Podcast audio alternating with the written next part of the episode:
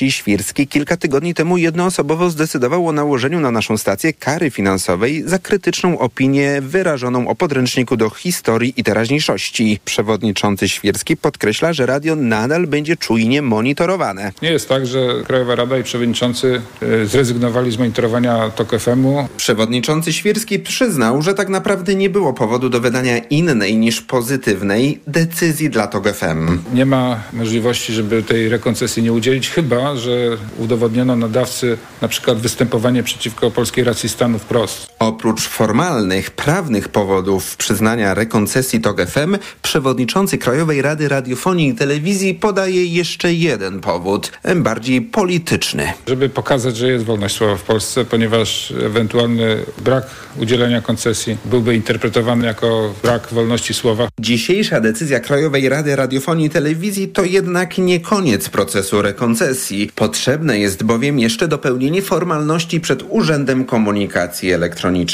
Mówił reporter TOK FM Maciej Kluczka. Decyzję Krajowej Rady Radiofonii i Telewizji w sprawie TOK FM komentował w, na naszej antenie Juliusz Braun, były prezes TVP, były przewodniczący Krajowej Rady Radiofonii i Telewizji i były członek Rady Mediów Narodowych. Nasz gość odniósł się do słów przewodniczącego, który powiedział, że koncesję przedłużono, tu cytat, żeby pokazać, że jest wolność słowa. To uzasadnienie, wyjaśnienie, no to jest coś skandalicznego, bo Krajowa Rada, przewodniczący to jest organ państwa. Organ państwa wydaje decyzje takie, jakie wynikają z przepisów prawa, a nie takie, żeby coś pokazać. Mhm. Więc, y, więc no, uzasadnienie jest po prostu skandaliczne. Usłyszeliśmy w wywiadzie politycznym. Całą rozmowę na ten temat znajdą Państwo w podcastach na tokfm.pl i w naszej aplikacji mobilnej.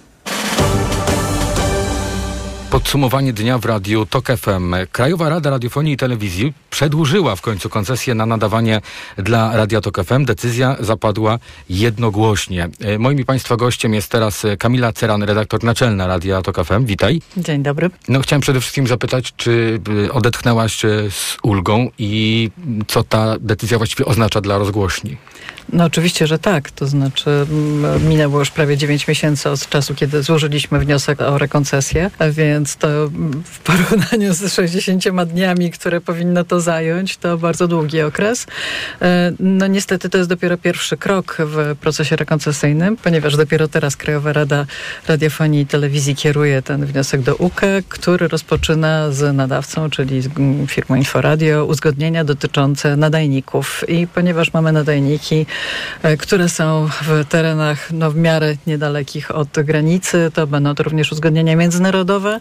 E, w związku z tym może to potrwać znowu ileś miesięcy, nie wiemy dokładnie ile, a tymczasem do 3 listopada, do kiedy, kiedy ta koncesja powinna być już podpisana, no zostało już bardzo mało czasu. Oczekiwanie na rozpatrzenie wniosku koncesyjnego to był szczególnie w e, tym ostatnim okresie gorący czas, bo wyrażałaś obawy związane z tym, że możemy nie otrzymać tej koncesji i będziemy musieli wyłączyć nadajniki. Wstawiło się za nami środowisko dziennikarskie, co było dla nas, y, myślę, bardzo miłą rzeczą, ale nie tylko ono.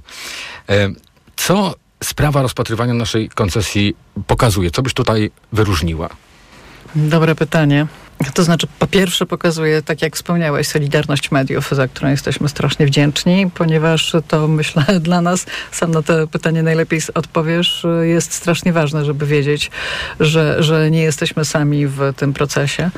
E, po drugie, jakby sam fakt przyznania nam tej koncesji, no dla mnie osobiście nie jest zaskoczeniem o tyle, że my naprawdę zasługujemy na przedłużenie tejże koncesji. I w momencie, kiedy przeglądamy dokumenty, które znajdują się w Krajowej Radzie Radiofonii i Telewizji dotyczące naszej tak zwanej teczce koncesyjnej, jakby my wypełniamy wszystkie możliwe e, warunki e, potrzebne do, do przyznania nam tej koncesji. Stąd tym bardziej tak długie oczekiwanie na nią było no, dla mnie niezwykłe. Być może dlatego zastanawialiśmy się nad innymi powodami, dla których e, było to przeciągane. Krajowa Rada e, zdecydowała o przedłużeniu koncesji, jak mówi przewodniczący Maciej Świrski, żeby pokazać, że jest wolność słowa. To na koniec chciałem zapytać cię, znaczy poprosić cię, żebyś krótko powiedziała, jak to z tą wolnością słowa w naszym kraju w tej chwili jest. No w naszym kraju to pewnie bywa z tym różnie. Na szczęście nie odpowiadam za nasz kraj, odpowiadam tylko i wyłącznie za Radio Tok FM, w którym ta wolność słowa jest i, i w którym setkom tysięcy codziennie, jeśli nie milionom naszych słuchaczy, e, każdy z prowadzących, każdy z dziennikarzy e, dostarcza e, informacji, opinii, wyważonych komentarzy, mających oparcie w faktach i za które myślę nasi słuchacze, jest ich o mniej więcej 3 miliony tygodniowo, nas cenią. Więc tak jak mówię, to jeszcze nie jest ostatni etap e, przedłużenia tej naszej koncesji, no ale mam nadzieję, że te 3 miliony naszych słuchaczy będzie miało zapewnione również po 3 listopada możliwość słuchania Radia Tok FM. Kamila Ceran, redaktor naczelna Radia Tok FM. Bardzo dziękuję. Dziękuję. TOK 360. Eksperci Międzynarodowej Agencji Energii Atomowej na razie nie znaleźli ładunków wybuchowych w zaporowskiej elektrowni, jednak agencja przekazała w wydanym dzisiaj komunikacie, że aby ustalić na pewno, że ładunki takie nie zostały podłożone, musi mieć lepszy dostęp do siłowni. Wcześniej prezydent Ukrainy Wołodymyr Zełenski ostrzegł prezydenta Francji Emmanuela Macrona przed niebezpiecznymi prowokacjami, do których według niego Rosja przygotowuje się w zaporowskiej elektrowni atomowej. Świat widzi, że jedynym źródłem zagrożenia dla zaporowskiej elektrowni jest Rosja, podkreśla Zełęński. Mamy informacje od naszego wywiadu, że rosyjskie wojska rozmieściły na dachu kilku bloków przedmioty przypominające ładunki wybuchowe. Prezydent Ukrainy przypomniał, że powstrzymanie Rosjan to obowiązek całego świata. Niestety nie było odpowiedniej reakcji opinii międzynarodowej po ataku na kachowską hydroelektrownię i to może zachęcić Rosjan. Strona ukraińska mówi o dowodach, które wskazują na to, że w czerwcu to Rosjanie wysadzili tamę w Nowej Kachowce, co nieoficjalnie było wiadomo od samego początku. Z tego powodu trzeba było ewakuować tysiące osób. TOK 360. Rosyjskie władze postanowiły, że zwrócą szefowi najemniczej grupy Wagnera Jewgenijowi Prigorzynowi 111 milionów dolarów. Te środki zostały zajęte po tym, jak Prigorzyn wszczął bunt i zorganizował marsz na Moskwę. Powiadomił o tym w najnowszym raporcie Amerykański Instytut Studiów nad Wojną. Decyzja o zwróceniu aktywów zapadła w minioną niedzielę, czyli ponad tydzień po zbrojnej rebelii. Prawdopodobnie był to efekt nieformalnego porozumienia wypracowanego przez szefa Wagnerowców z Władimirem Putinem i białoruskim dyktatorem Aleksandrem Łukaszenką, zauważa amerykański instytut, powołując się na doniesienia lokalnych mediów z Petersburga. O tym, że historia z Prigorzynem pokazuje słabość Rosji, mówiła w TOK FM Krystyna Marcinek, ekspertka RAND Corporation, doktorantka Padre RAND Graduate School. Prigorzin powiedział prawdę o tym konflikcie, Zajął dwa obwodowe miasta w Rosji, nikt się nie sprzeciwił, po czym nagle się okazuje, że, że właśnie, że Putin i Łukaszenko negocjują z Prigorzynem. Kto to jest żeby Putin z nim negocjował? Znaczy, to jest ciekawe.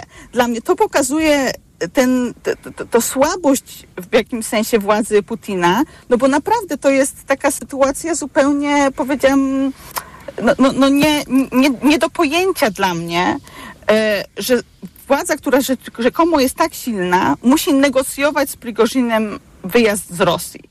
Usłyszeliśmy w audycji Światopodgląd u Agnieszki Lichnerowicz. Amerykański think tank powiadomił również o zmianach organizacyjnych w rosyjskich siłach zbrojnych podejmowanych w odpowiedzi na akcesję Finlandii do NATO, a także z myślą o szczycie NATO w Wilnie zaplanowanym na przyszły tydzień. Ten ruch prawdopodobnie nie zwiększy rosyjskich zdolności bojowych, dlatego należy go postrzegać jako działanie o charakterze propagandowym i straszak wobec NATO. Tak ocenia to ośrodek analityczny.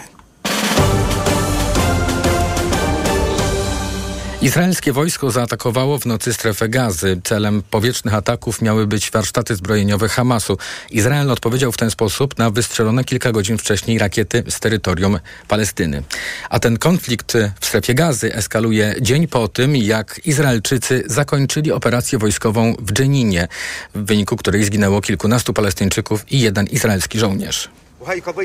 Ta sprawa nigdy nie umrze, bo jesteśmy prawowitymi spadkobiercami. Ten obóz został zbudowany dla uchodźców uciekających z Bisanu, Zirejny, Almansi, Aky i Jaffy. Chociaż mówią, że starzy odchodzą, a młodzi zapominają, to tu są najmłodsi, którzy nigdy nie zapomną. Mówił mieszkaniec Dżenina na okupowanym przez Izrael zachodnim brzegu. Premier Izraela Benjamin Netanyahu poinformował o zakończeniu, właśnie dzisiaj o tym poinformował, na tym terenie, tu cytat, operacji antyterrorystycznej, ale dodał, że jeśli będzie to konieczne, operacja może zostać wznowiona. Podsumowanie dnia w Radiu TOK FM. Wszystko wskazuje na to, że na rozpoczynającym się jutro posiedzeniu Sejmu e, zostanie przyjęty projekt ustawy o 800. Dzisiaj rządową propozycję poparła Sejmowa Komisja Polityki Społecznej i Rodziny. Opozycja zapowiada poprawki w toku pracy nad projektem, a więcej o nich teraz reporterka TOK FM Monika Zdziera. Koalicja Obywatelska chce szybszych wypłat podwyższonego świadczenia, mówi poseł Robert Kropiwnicki. Będziemy składać poprawkę dotyczącą tego, żeby ten program obowiązywał jak najszybciej, albo od lipca, albo od września, a nie obowiązywał dopiero po wyborach. Z kolei PSL, tu prezes Władysław Kosiniak-Kamysz chce, aby świadczenie otrzymywali tylko pracujący rodzice. Dla tych, którzy są aktywni zawodowo, dla tych, którzy pracują, państwo musi doceniać ludzi pracy, musi doceniać aktywność zawodową. Magdalena Biejat z Lewicy przekonuje, że waloryzacja waloryzacja świadczeń socjalnych powinna następować automatycznie w oparciu o wskaźnik inflacji. Nie powinno być tak, że świadczenia rodzinne są waloryzowane wtedy, kiedy politykom się przypomni, bo akurat zbliża się kampania wyborcza. Sytuacja, w której e, inflacja galopuje, może się znowu poprawić. I czy rodziny mają znowu czekać, e, aż się państwu przypomni? Ale Zjednoczona Prawica żadnych z tych poprawek nie poprze, mówi rzecznik rządu Piotr Müller. Co do zasady nie planujemy żadnych poprawek e, w tym e, projekcie o charakterze takich zasadniczych zmian. Ta deklaracja nasza, że e, jesteśmy gotowi na podwyższenie tego programu właśnie od 1 stycznia jest aktualna. Są na to już zabezpieczone, wskazane w ramach finansowych na przyszły rok e, środki finansowe. Z wyliczeń ekonomistów, ale i rządu wynika, że podniesienie 500 plus do 800 zł będzie oznaczało, że koszty programu z obecnych 40 miliardów rocznie wzrosną do około 64. Informowała reporterka TOK FM Monika Zdziera. Ministerstwo Zdrowia zaskoczyło lekarzy i zapowiadanym w ubiegłym tygodniu limity na e-recepty już obowiązują. Ograniczenie resort wprowadził z dnia na dzień bez konsultacji z lekarzami. A lekarze alarmują, że w niektórych przychodniach może być problem ze zmniejszeniem, z, z tym, żeby się zmieścić, o tak, w, w limicie, zwłaszcza gdy jeden lekarz ma bardzo wielu pacjentów, a tak jest na przykład w małych miejscowościach, mówi Wioletta Fedler-Łopusiewicz z Porozumienia Zielonogórskiego. To jest jeden lek, jedna recepta. Nawet jeżeli my w tej chwili wypisujemy pięć leków na recepcie, to to jest tak zwane pięć recept. Ograniczenia powodują, że w ciągu 10 godzin pracy lekarz może wystawić 300 recept w systemie elektronicznym. Ma to być bat na medyków hurtowo wypisujących recepty bez badania pacjenta, ale może utrudnić pracę lekarzy rodzinnych lekarz rodzinny wypisuje bardzo dużo leków za specjalistów, bo y, pacjent leczony u specjalisty dostaje jedno opakowanie, po resztę przychodzi do lekarza rodzinnego. To też zwiększa nam pulę. A przecież ten lekarz y, specjalista ma prawo, tak jak my, wypisać leki na cały okres leczenia. Dlatego Naczelna Izba Lekarska apeluje do Ministerstwa Zdrowia o wycofanie się z limitu e-recept. Do tej pory państwowa spółka Polskie Domy Drewniane dostała 25 milionów złotych publicznych dotacji. Przełożyło się to na 31 lokali mieszkalnych na dwóch osiedlach, z których ponad połowa stoi od kilkunastu miesięcy pusta. Koalicja Obywatelska chce, by nikt sprawdził, gdzie są obiecywane przez PiS tysiące drewnianych domów i na co poszły publiczne miliony. O tej sprawie teraz Jakub Medek. Według zapowiedzi polityków PiSu miało być pięknie. Wygodne i ekologiczne osiedla domów jednorodzinnych, szeregówek i bliźniaków rozsiane po całej Polsce, powstające szybko z krajowych surowców i na publicznych gruntach. Jak ta idylla wygląda trzy lata po założeniu spółki, opisuje podlaski poseł Koalicji Obywatelskiej Robert Tyszkiewicz. W 2019 roku e, powstała spółka akcyjna Polskie Domy Drewniane w 99% sfinansowana przez Fundusz Ochrony Środowiska i Gospodarki Wodnej, czyli sfinansowana przez pieniądze publiczne. Zadaniem tej spółki było wybudowanie do końca 2022 roku 11 950 mieszkań. Spółka jedyne mieszkania, które oddała do użytku, yy, oddała w 2021 roku, oddała osiedle pod Choroszczą. To jest to osiedle, e, które pięknie nazywa się Jabłonowa Aleja. To jest 12 wolno stojących domów e, jednorodzinnych w zabudowie bliźniaczej i 11 domów pod Łodzią. I to jest wszystko. 31 11 950. Taki jest poziom wykonania zadań przez tę spółkę. Do tego największe osiedle w podbiałostockiej Choroszczy wciąż stoi puste. A tak dokładniej mówiąc, zamieszkałe przez dwie rodziny. Zatem 18 lokali od dwóch lat, 18 domów, w których mogłyby mieszkać rodziny, stoi grzybieje, nie jest ogrzewane i popada powoli w ruinę. Oto z czego wynika ta spektakularna klapa, Tyszkiewicz zapytał nadzorującą Polskie Domy Drewniane minister środowiska Annę Moskwę. I otrzymałem bardzo zdawkową y, odpowiedź, taką bardzo formalną, że winien jest kryzys na rynku mieszkaniowym, trudna dostępność kredytów hipotecznych, ale spółka dalej zamierza prowadzić działania, bo e, budownictwo drewniane ma przyszłość. Dlatego poseł chce, by spółce przyjrzała się Najwyższa Izba Kontroli. Wniosek w tej sprawie trafił już za pośrednictwem białostockiej delegatury do prezesa NIK-u, bo wątpliwości dotyczą nie tylko tego, że obiecanych domów nie ma. Spółka od dwóch lat de facto nie prowadząc żadnej działalności inwestycyjnej, bo ta spółka od 2021 roku niczego nie wybudowała i niczego w tej chwili nie buduje. Zarząd funkcjonuje, pobiera wynagrodzenia. Ta spółka otrzymuje wsparcie publiczne, otrzymuje pomoc publiczną. Otóż otrzymała 12 milionów 419 tysięcy złotych z Narodowego Centrum Badań i Rozwoju oraz podobną kwotę 12,5 miliona z funduszy europejskich ze środków Europejskiego Funduszu Rozwoju Regionalnego w 2022 roku. Równocześnie poseł Tyszkiewicz zaapelował do polskich domów drewnianych, by lokale, których nie potrafią sprzedać, przeznaczyły na cel publiczny rodzinne domy dziecka. Jakub Medek, TOK FM. I to była ostatnia relacja w pierwszej części podsumowania dnia. Przed nami komentarze naszych gości, a wcześniej sprawdzamy przewidywania synoptyków dotyczące jutra. Pogoda. Jutro w północnej i zachodniej Polsce pochmurno z przejaśnieniami. W centrum oraz na południu możliwe są burze. Na termometrach od 25 stopni w Szczecinie do 30 e, w Poznaniu. Na wschodzie temperatura jakby pośrodku tej skali 27 stopni w Białymstoku, 28 w Lublinie. Radio TOK FM. Pierwsze radio informacyjne. TOK 360. Doktor Karolina Zielińska z Ośrodka Studiów Wschodnich będzie za chwilę naszą pierwszą gościnią, a porozmawiamy o sytuacji pomiędzy, o konflikcie i najnowszej e, odsłonie tego konfliktu pomiędzy Izraelem i Palestyną. Reklama. Moja Toyota CHR ma wszystko. Wygląd, osiągi, wyposażenie. To designerski crossover z napędem hybrydowym. 2 litry pojemności, 184 konie mocy, 8,2 sekundy do setki. Do tego pełny pakiet bezpieczeństwa Toyota Safety Sense. System multimedialny z nawigacją i darmową transmisją danych przez 4 lata. Jak dla mnie, auto idealne. Polecam. Teraz Toyota CHR dostaniesz w Toyota Outlet z rabatem nawet do 11 500 zł. Szczegóły na toyota.pl jeszcze tylko ochronimy uszka sprayem Acustone i możesz lecieć do wody. Super!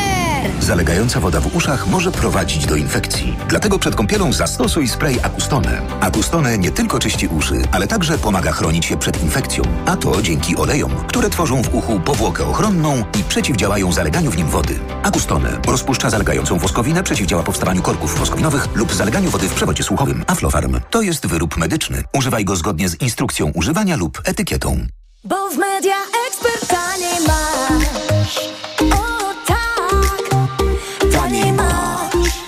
Wielka wyprzedaż w Media Expert. Na przykład cicha i energooszczędna zmywarka Bosch. Najniższa cena z ostatnich 30 dni przed obniżką 1999 zł. Teraz za jedyne 1499. Z kodem rabatowym taniej o 500 zł. Po mamie mam wiele wspaniałych cech i jedną złą – skłonność do bolących nóg i żylaków. Ale z pomocą przyszedł mi Diohespan Max. Lek z najwyższą dawką 1000 mg diosminy. Odkąd stosuję Diohespan Max, zapomniałam o bólach nóg i nie boję się żylaków. Z pełnym przekonaniem poleciłam go mamie. Diohespan Max. Maksymalna ulga dla nóg. Aflofarm. Diohespan Max. Jedna tabletka zawiera 1000 mg zimpronizowanej diosminy. Wskazania przewlekła niewydolność krążenia żylnego kończyn dolnych. Żylaki. To jest lek. Dla bezpieczeństwa stosuj go zgodnie z ulotką dołączoną do opakowania i tylko wtedy, gdy jest to konieczne. W przypadku wątpliwości skonsultuj się z lekarzem lub farmaceutą. Reklama. TOK 360. Izraelscy żołnierze zaczęli wycofywać się, a właściwie wycofali się z obozu dla uchodźców w Dżeninie, o czym informowało BBC, a to oznacza, że kończy się ich e, operacja na okupowanym zachodnim brzegu. W wyniku tej operacji e, antyterrorystycznej, jak określają ją Izraelczycy, zginęło 12 Palestyńczyków i jeden izraelski żołnierz. O sytuacji w tym regionie będziemy teraz rozmawiali z dr Karoliną Zielińską z Ośrodka Studiów Wschodnich. Dzień dobry, witam w Radiu Tok FM. Dzień dobry. No i chciałem zapytać Panią na początek o znaczenie tej decyzji. Właściwie po co to było, można e, e, zapytać, e, skoro ta akcja została tak szybko zakończona, a może nie. Może to był odpowiedni czas. Mm, Ta operacja faktycznie została dosyć szybko zakończona po dwóch dobach. E, Wydaje się, że przede wszystkim dlatego, że o ile społeczność międzynarodowa, państwa zachodnie bliskie Izraelowi zasadniczo rozumiały jej cel, to znaczy faktycznie ten Jenin stał się w ostatnim czasie no, taką ostoją dla, dla, dla terrorystów i, i, i z Jeninu faktycznie wywodzili się terroryści, którzy w ostatnim czasie przeprowadzili kilkadziesiąt ataków, e, również w Izraelu, na przykład w Tel Awiwie. Ale też wiadomo było, że im dłużej ta operacja będzie trwać, tym też cierpliwość właśnie Stanów Zjednoczonych, czy państw europejskich, czy arabskich, zrozumienie dla tych celów będzie, będzie malało i większe będzie ryzyko faktycznie ofiar e, cywilnych. Także, także ta operacja miała na celu takie w cudzysłowie przystrzyżenie tej trawy, faktycznie naruszenie trochę tej, tego dobrostanu, który, który w Dżeninie dla, dla mm, osób zaangażowanych w taką działalność te, terrorystyczną y, nastał. Trochę wydaje się, że też sami Izraelczycy byli zaskoczeni y, tym przebiegiem tej operacji, w tym sensie, że ona paradoksalnie, chociaż doprowadziła do dużych zniszczeń materialnych, to faktycznie no, przy tej skali operacji jednak ta, ta liczba ofiar jest stosunkowo niewielka, ponieważ ci palestyńscy bojownicy, oni w zasadzie nie stawiali oporu. Kilkuset tych bojowników po prostu wmieszało się w ludność cywilną, uciekło, dzięki czemu też wojsko izraelskie no, dosyć dokładnie spenetrowało miejsca właśnie, w których, w których ta infrastruktura terrorystyczna e, była i znaleziono faktycznie dosyć zaskakujące ilości broni, ładunków wybucho, wybuchowych, granatów. E, Także, także ta operacja też wydaje się przebiegła trochę inaczej niż można się było spodziewać. Ale jakie jest znaczenie tych e, celów, które zrealizował Izrael właśnie w, ramach tej operacji? Czy to jest e, jakiś istotny postęp w walce z terrorystami, jak to mówią Izraelczycy? To jest na pewno ich osłabienie, natomiast y, sami Izraelczycy przyznają, że zapewne to była dopiero pierwsza z tego typu operacji, które na zachodnim brzegu trzeba będzie przeprowadzić, jeżeli faktycznie będą chcieli zlikwidować te, te naj, naj, najważniejsze ośrodki, w których właśnie ta działalność terrorystyczna jest prowadzona. I oczywiście no, to jest wszystko bardzo takie no, krótkotrwałe, krótkowzroczne w takim sensie, że y, jak najbardziej no, nie przyczynia się do, do rozwiązania konfliktu, wręcz przeciwnie, to tylko sprawia, że ten opór palestyński będzie narastał, ta frustracja będzie narastała. Organizacjom terrorystycznym tym łatwiej będzie rekrutować bojowników. Także absolutnie no, to jest tylko taka działalność, która może faktycznie zapobiec kilku zamachom w najbliższym czasie. Natomiast na, na, długą, na dłuższą metę no, to tutaj absolutnie nie, nie pomaga. Czy tych kolejnych operacji, o których pani mówi, e, należy spodziewać się właśnie w Dżeninie, czy też w innych e, miejscach? E, W, Zapewne w mówimy których mogą tak, się przede wszystkim o? Żeninie, ale, ale też Hebron jest takim miejscem, w którym faktycznie, faktycznie tych, tych bojowników jest dosyć dużo i też w ostatnim czasie tam często były aresztowania przeprowadzane. Przypuszczam, że Hebron, generalnie no, północna część zachodniego brzegu jest w tej chwili faktycznie takim miejscem, gdzie takie operacje mogą się odbywać. Wiadomo też, że na dosyć dużą skalę, kilkukrotnie tak naprawdę wzmocnił swoje finansowanie tych bojowników Iran. E, I tutaj mówimy o kwotach no, rzędu milionów dolarów. Oczywiście no, można to oceniać jako wsparcie istotne mniej lub bardziej, ale jest wymierne. E, I, i, I też wiemy o przemycie broni z Jordanii, który się odbywa, z którym też izraelskie służby sobie nie radzą. Także w momencie, kiedy też autonomia palestyńska jest bardzo słaba, jej siły porządkowe też nie mają wielkiego wpływu na to, co się dzieje w takich miejscach właśnie jak Jenin czy, czy Hebron, no to niestety obawiam się, że tutaj ten cykl będzie trwał, to znaczy będą zamachy w Izraelu na Izraelczyków, na ludność cywilną izraelską. W efekcie właśnie będą przeprowadzane tego typu rajdy armii izraelskiej, w których też giną cywile i też są znaczne straty materialne. Jednocześnie y, siły obronne Izraela przeprowadziły e, w ciągu minionej nocy ataki powietrzne na strefę e, gazy, a więc e, w zachodnim brzegu żołnierze się wycofali, a tutaj mamy eskalację. Kilka godzin wcześniej system obrony powietrznej Żelazna Kopuła zdołał strącić pakiet pięciu rakiet wystrzelonych z tego palestyńskiego terytorium w kierunku Izraela. Jakie jest podłoże tych ataków? Wydaje się, że to był taki sygnał ze strony Hamasu, że, że faktycznie widzą, co się dzieje, nie podoba im się to. Ciężko im też pewnie z przyczyn takich politycznych i, i ich jakby wizerunku wewnętrznego y, nie zareagować. Więc chyba ta pojedyncza salwa faktycznie była takim rodzajem reakcji, przypomnienia, że jesteśmy, y, uważajcie, bo jeszcze krok dalej i faktycznie możecie mieć poważną eskalację i to na kilku frontach. Natomiast y, no przynajmniej na razie na szczęście to, to nie przerodziło się właśnie w taką eskalację. Izraelczycy odpowiedzieli jednym uderzeniem punktowym właśnie w, ośrodek, z którego te rakiety poleciały e, i, i na razie odpukać jest, jest na tym odcinku ciszej. Konflikt izraelsko-palestyński trwa y, od y, lat. W jakim momencie tego konfliktu my jesteśmy po tym, jak Izrael istotnie skręcił w prawo, po tym, jak zmieniła się władza w Izraelu? Czy to jest taki czas, który jest y, coraz trudniejszy i sytuacja jest coraz bardziej napięta? Zdecydowanie tak, zdecydowanie tak. Profil tego rządu, ale no też konkretne działania tego rządu absolutnie nie pomagają tutaj w jakichkolwiek staraniach o deeskalację sytuacji. To jest rząd, który bardzo jednoznacznie wspiera osadnictwo żydowskie na terytoriach okupowanych i to na całych tych terytoriach i generalnie no to są ludzie, którzy uważają, że zachodni brzeg po prostu należy anektować do Izraela. Na razie tego jeszcze nie robią, ale zasadniczo dążą do tego celu. Autonomia palestyńska jest w tej chwili dysfunkcyjna. E, Więc tak naprawdę no, po obu stronach tutaj jest coraz gorzej. Tutaj faktycznie już od kilku lat mieliśmy taką sytuację, że na jakieś realne negocjacje pokojowe no, ciężko było liczyć, ale w tym momencie faktycznie ta sytuacja jest naprawdę no, nie wróżąca dobrze, wręcz przeciwnie. A jak na to wszystko patrzą sojusznicy Izraela? Bo em, oni zawsze sygnalizują, przede wszystkim Stany Zjednoczone sygnalizują zawsze, że em, wspierają e, Izrael w ochronie e, swoich e, granic i w zapewnieniu bezpieczeństwa, e, ale jednocześnie pojawiają się takie apele o to, żeby nie ucierpiała e, ludność e, cywilna. W jakim położeniu są tutaj na przykład Stany Zjednoczone względem Izraela? Tej chwili relacje Stanów Zjednoczonych z rządem Netanyahu są bardzo napięte. E, Z wielu przyczyn kwestia palestyńska jest, jest jedną z nich. E, Stany Zjednoczone bardzo jednoznacznie potępiają chociażby właśnie te działania osadnicze, wzmacnianie izraelskiej obecności cywilnej na zachodnim brzegu. E, I, i wydawało się, że, że prezydent Biden ma nadzieję, że ponieważ premier Netanyahu bardzo zawsze podkreślał, że zależy mu na normalizacji relacji z Arabią Saudyjską, że być może przekonają Netanyahu do tego, żeby odstąpić od tych radykalnych działań względem Palestyńczyków, po to, żeby móc pod- podjąć takie negocjacje z Arabią Saudyjską. To się na razie nie dzieje.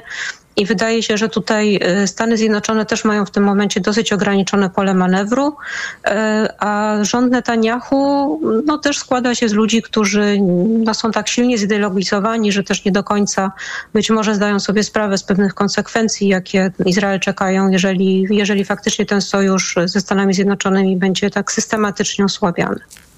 Bardzo dziękuję za ten komentarz. Doktor Karolina Zielińska z Ośrodka Studiów Wschodnich była razem z nami w podsumowaniu dnia.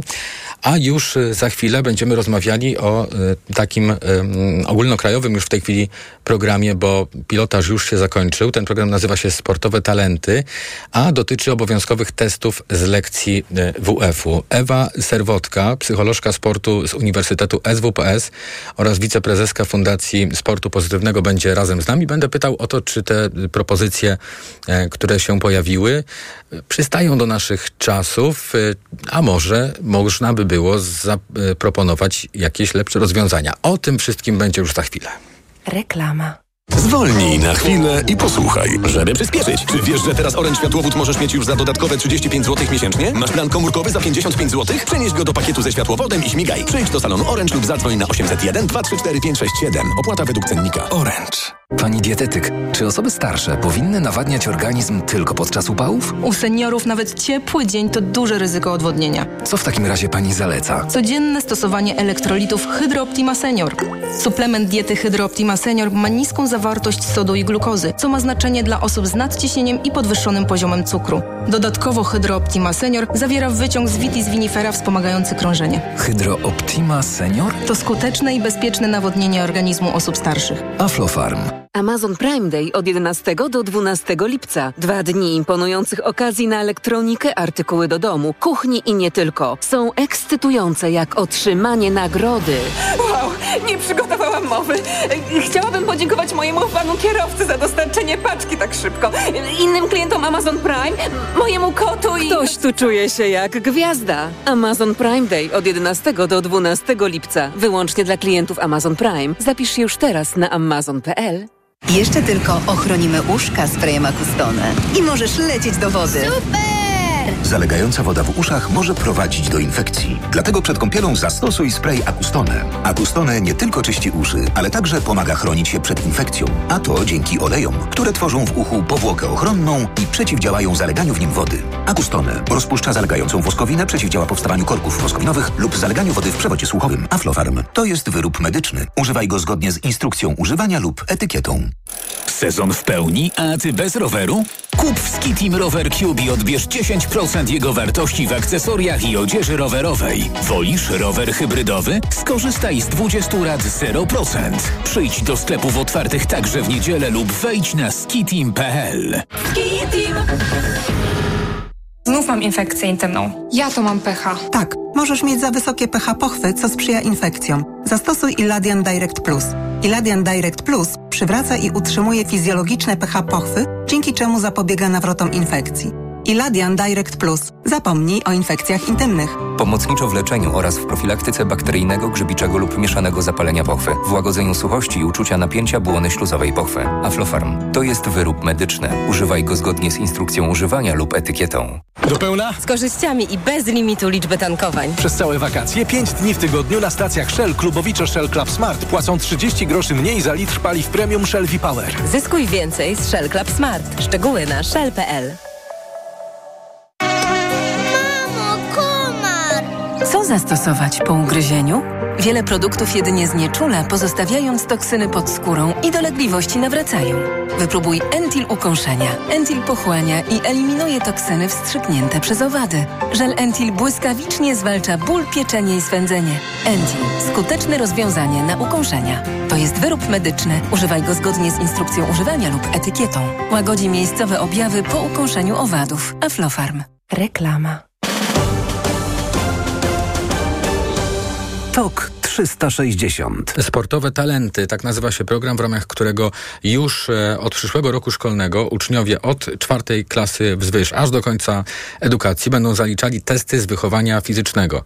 Chodzi o bieg e, 10 razy po, y, 10 razy po 5 metrów, bieg wahadłowy na 20 y, metrów, a także podpór przodem na przedramionach i skok w dal. Pisze o tym dziennik Gazeta Prawna. Już teraz łączymy się z Ewą Serwotką, psycholożką sportu z Uniwersytetu SWPS oraz wiceprezeską Fundacji Sportu Pozytywnego. Dzień dobry, witam w Radiu Tok FM. Halo, halo, czy się słyszymy? Program Sportowe Talenty, o którym e, za chwilę porozmawiamy. O, już teraz możemy porozmawiać. Witam panią serdecznie. Ten program ma pomóc e, w walce o zdrowie uczniów. E, Jak pani sądzi, czy będzie skuteczny, czy to są dobre propozycje na dzisiejsze czasy, jeśli chodzi o podejście do kultury fizycznej? Mhm, Pytanie, y, jaki miałby być cel y, takiego programu? Y, Jeśli punktem wyjścia i celem takiego programu jest zachęcenie dzieci do większej aktywności, udziału w zajęciach wychowania fizycznego, to wydaje mi się, że już stwierdzono dawno, że takowe testy nie, nie wniosą więcej osób na zajęciach WF-u, więcej chęci e, dzieci zaangażowanie się w takie zajęcia. Mm, Tutaj lepszymi metodami byłoby wzmocnienie samych, samej atmosfery, poprawienie atmosfery na zajęciach z wychowania fizycznego. Czyli potraktowanie WF-u o takiej możliwości na przykład regulowania e, pobudzenia po całym dniu i pewnych napięć, e, żeby, żeby dziecko po takich zajęciach, e, uczeń czuł, e, czuło się szczęśliwsze, bardziej rozluźnione, e, naenergetyzowane jednocześnie. Natomiast jeśli spojrzymy na, na ten program i na tą propozycję w kategoriach e, właśnie budowania pewnej bazy talentów, mm, to jeśli weźmiemy ten aspekt pod uwagę, to faktycznie dzięki temu osoby, które wykazują się ponadprzeciętną sprawnością bądź e, komplementarnością jakichś umiejętności e, fizycznych tutaj wymienionych, e, to będą mogły być łatwiej wyłapane przez trenerów. wszystko oczywiście zależy, do, kto będzie miał dostęp do takowej bazy.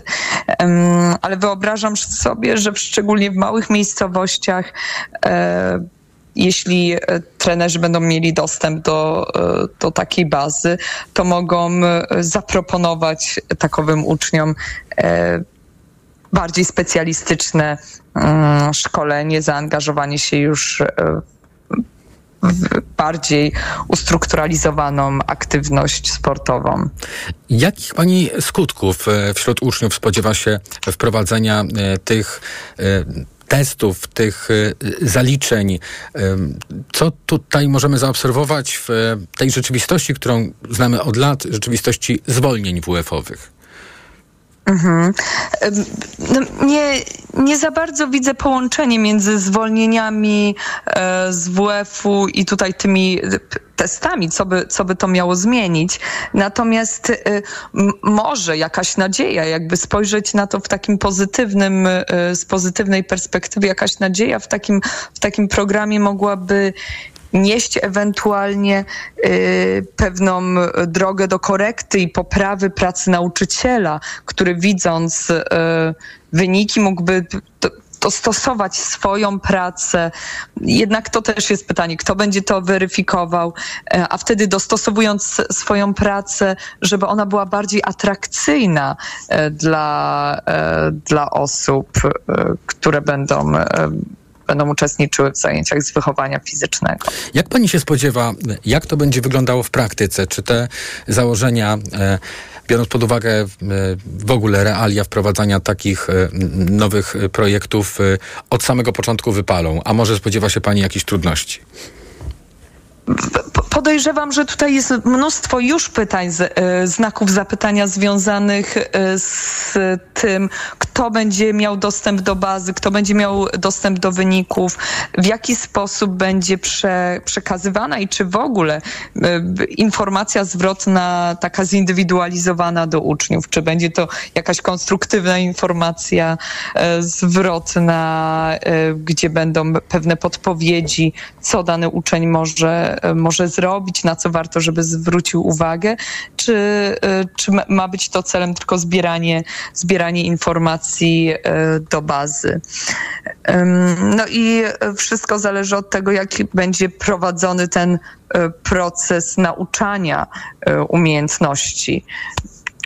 I to też jest taki, taki znak zapytania, więc podejrzewam, że zanim ten projekt, jeśli będzie użyteczny, będzie mógł, e, mógł zadziałać, to dużo czynników musi być, e, być e, po prostu zrealizowanych. Muszą być tak, spełnione. Wziętych pod uwagę, te spełnione pewne Proszę powiedzieć, czego potrzebują dzieci? W jaki sposób do nich trafić, żeby chciały się ruszać, żeby kochały sport? No i może podsunęłaby Pani tutaj jakieś rozwiązania, które by były warte wprowadzenia? Ym, y, sama mam, mam przyjemność znać e, dużo fantastycznych e, nauczycieli wychowania fizycznego, e, którzy myślę samymi sobą zarażają pasją do aktywności sportowej i, to jest jeden z elementów, taka autentyczny, autentyczny nauczyciel, który potrafi zachęcić, chce to robić i, i zaraża tą pasją. Też o tym wspomniałam na początku, że takim e, wydaje się najskuteczniejszym kierunkiem e, takiego dobrego zachęcenia e, uczniów do, do zajęć z wychowania fizycznego będzie nastawienie na atmosferę na tych, na tych zajęciach, żeby to było atrakcyjne dla, dla uczniów. W związku z tym też wskazówką może bardziej systemową jest edukacja nauczycieli. Wydaje mi się oczywiście pewnie, pewnie trochę przeceniając swój obszar, ale również z zakresu psychologii sportu, komunikacji, przekazywania informacji zwrotnej, e, aby właśnie ten WF i zajęcia z wychowania fizycznego były takimi zajęciami wyczekiwanymi, które realnie uczniowie będą, będą czuli, że, e, że dają im chociażby tą, e, to wyregulowanie emocji, napięcia fizycznego po, po godzinach spędzonych w ławce. A jaki ten e, WF powinien Jako być, żeby bufor. tak przyciągał dzieci? Mhm. No to fantastycznie, jeśli, jeśli na, tym, na tych zajęciach z wychowania fizycznego pojawią się elementy i relacyjności, ale też włączenia różnych umiejętności, skorzystania z różnych kompetencji e, uczniów, żeby nie tylko był nastawiony na e, jak najlepsze i wysokie wykonanie sportowe, ale również włączał e, dzieci mniej sprawne.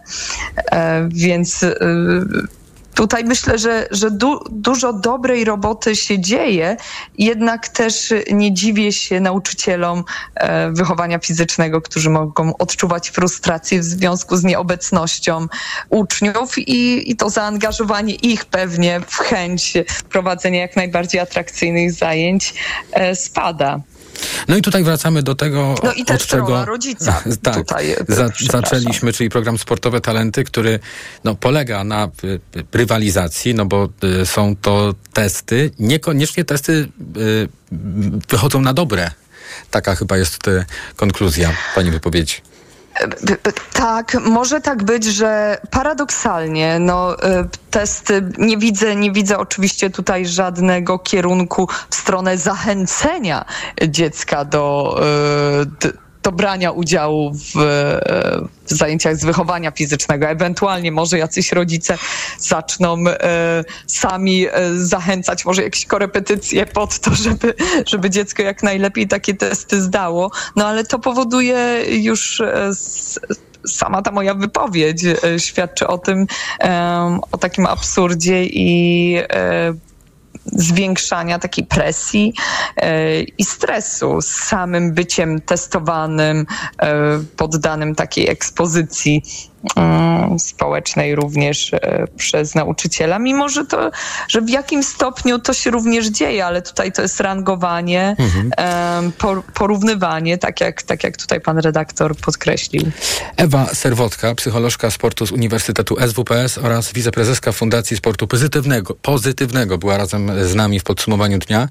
A już za chwilę omówimy raport Komisji Europejskiej o praworządności państw Unii Europejskiej. Naszą gościnią będzie profesor Małgorzata Myśliwiec z Instytutu Nauk Politycznych Uniwersytetu Śląskiego.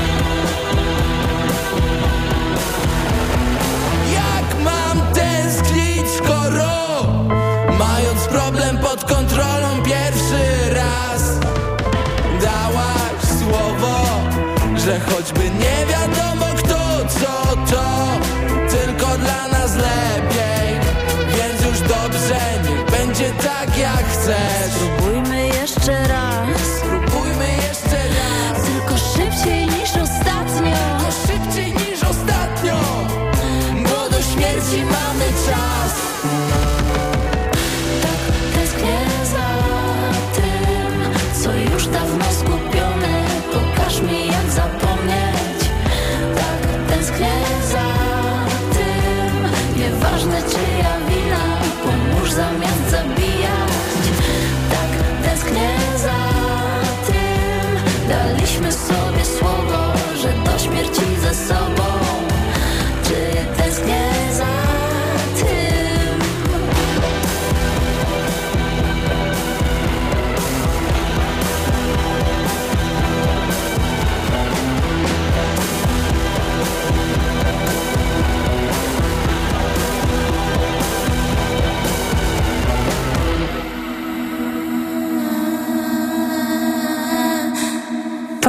360. Podsumowanie dnia w Radiu Tok FM. Komisja Europejska przedstawiła raport o praworządności w państwach e, Unii Europejskiej i wiceszefowa komisji Vera Jurowa e, powiedziała tak. Daleko idące reformy wymiaru sprawiedliwości wiążą się z kontrowersjami i ważne jest, by prowadzić odpowiednie konsultacje także z Komisją Europejską. E, o wnioskach z tego raportu będziemy teraz rozmawiali z profesor Małgorzatą Myśliwiec z Instytutu Nauk Politycznych Uniwersytetu Śląskiego. Dzień dobry, witam w Radiu Tok FM. Dzień dobry panie redaktorze, dzień dobry państwu. No, chciałem zapytać e, właśnie o to, e, co e, nowego, ciekawego znalazło się w, tym razem w raporcie i co dotyczy Polski bezpośrednio i czy w ogóle możemy mówić o tym, że jest to wprost o Polsce.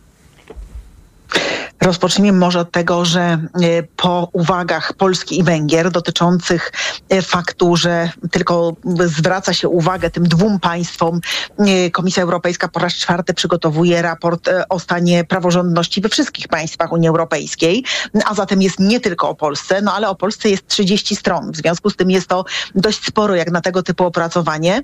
I pan redaktor zapytał, co jest nowego. No niestety trzeba przyznać, że w stosunku do zeszłego roku nie ma zbyt wiele nowego. Te Ale mowa jest były- o postępach. Z pewnością tak. Są również pewne plusy, jak chociażby cyfryzacja wymiaru sprawiedliwości, jak rzeczywiście pewne postępy, które zostały poczynione. Także rzeczywiście Komisja Europejska sprawiedliwie zwraca uwagę na to, co zostało przepracowane i co jest pozytywne, mm, jeżeli chodzi o stan praworządności w Polsce. No ale niestety bardzo wiele uwag mm, zostało z zeszłego roku wprost powtórzonych Mm, w wielu e, obszarach, na które Komisja Europejska już w zeszłym roku zwracała uwagę, nie zostały w radykalny sposób zmienione. W niektórych miejscach wręcz widzimy e, pogorszenie, jak chociażby ilość spraw przed Europejskim Trybunałem Praw Człowieka. Ona wzrosła tutaj dość znacząco, osiem kolejnych przypadków. W związku z tym, no i jeżeli mielibyśmy jeszcze coś nowego wskazać, no to z pewnością jest to kwestia Lex Tusk. E, W zeszłym roku tego problemu rzeczywiście jeszcze nie było.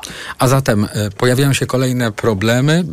Mowa o jakichś niewielkich postępach, a właściwie głównym problemem polskiego wymiaru sprawiedliwości, znaczy po, może inaczej, praworządności w Polsce e, jest kwestia Krajowej Rady Sądownictwa, czy tak?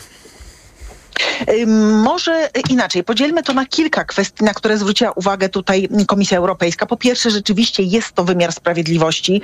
No z pewnością jest to cały czas ciągnąca się sprawa Izby Dyscyplinarnej, Y, także to jest jakby sprawa pierwsza. Zwraca się uwagę również na kwestię Trybunału Konstytucyjnego. Y, To jest ta pewna nowość, tak, która no może tak do końca nowością nie jest w kontekście zeszłego roku, ale rzeczywiście znacznych postępów się tutaj nie doczekaliśmy. Jak również rozdzielenie tych politycznych funkcji, czyli ministra sprawiedliwości i prokuratora generalnego, na to Komisja Europejska również zwraca uwagę, że nie mamy tutaj postępu. E, Z pewnością drugą kwestią jest sprawa wolności mediów, e, przyznawania koncesji, pewnej przejrzystości w tym względzie. To jest temat drugi. Temat trzeci to są przepisy dotyczące zwalczania korupcji e, w Polsce. No i rzeczywiście temat czwarty to są te kwestie dotyczące innych obszarów, jak chociażby Lex Tusk. Co z tym raportem teraz e, można zrobić? E, Czemu on posłuży? Jak go wykorzystać? Te Teoretycznie ten raport nie będzie wykorzystany do czegoś w sposób taki naprawdę bardzo znaczący, natomiast on faktycznie może posłużyć Komisji Europejskiej przy innych procedurach, przy innych dyskusjach, gdzie rzeczywiście na ten stan państwa prawa w Polsce będzie się zwracało uwagę. No i z pewnością wizerunkowo przy różnych negocjacjach ten raport może Polsce ciążyć.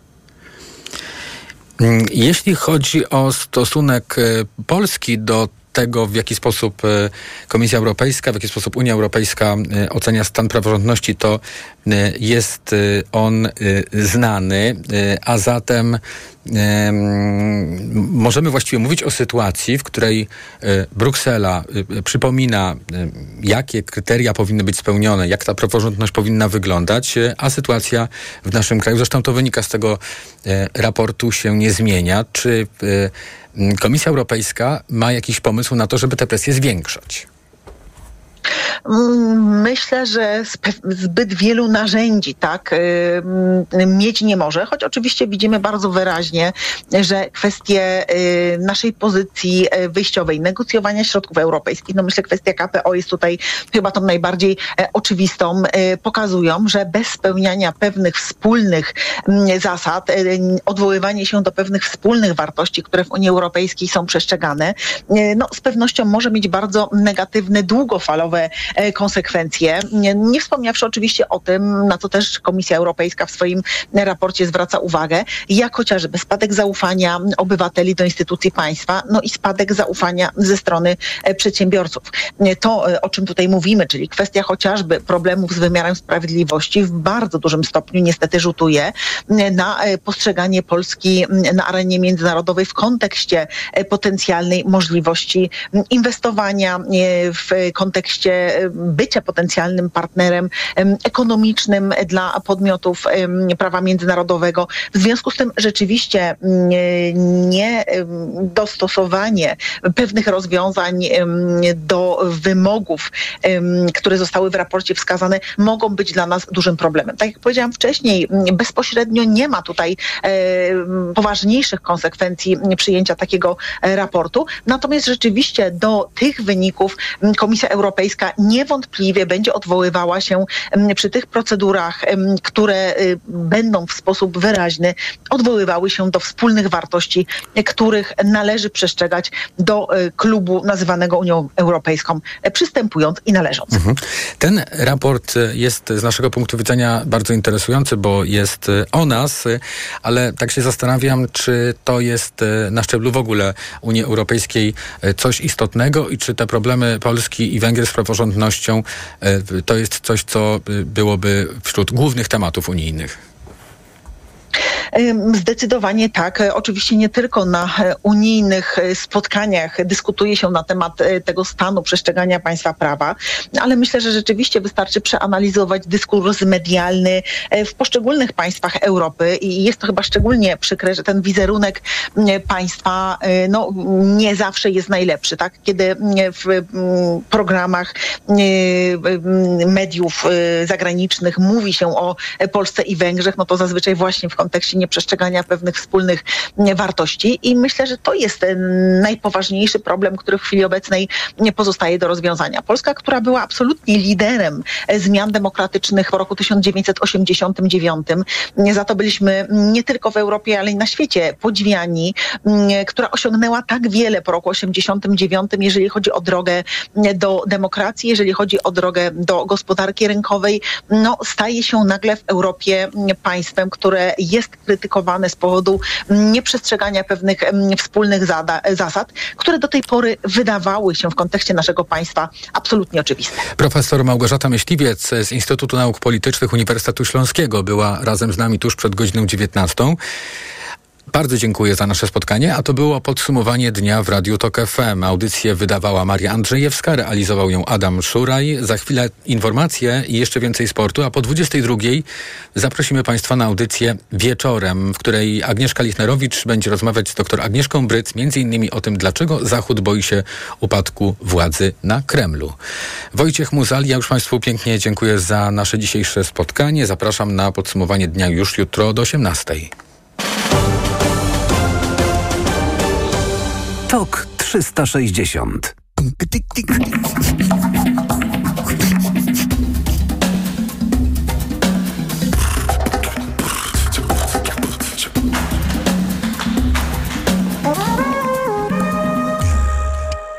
Reklama. Siedzi w upale Kasia szczęśliwa. Choć jest gorąco, pot z niej nie spływa.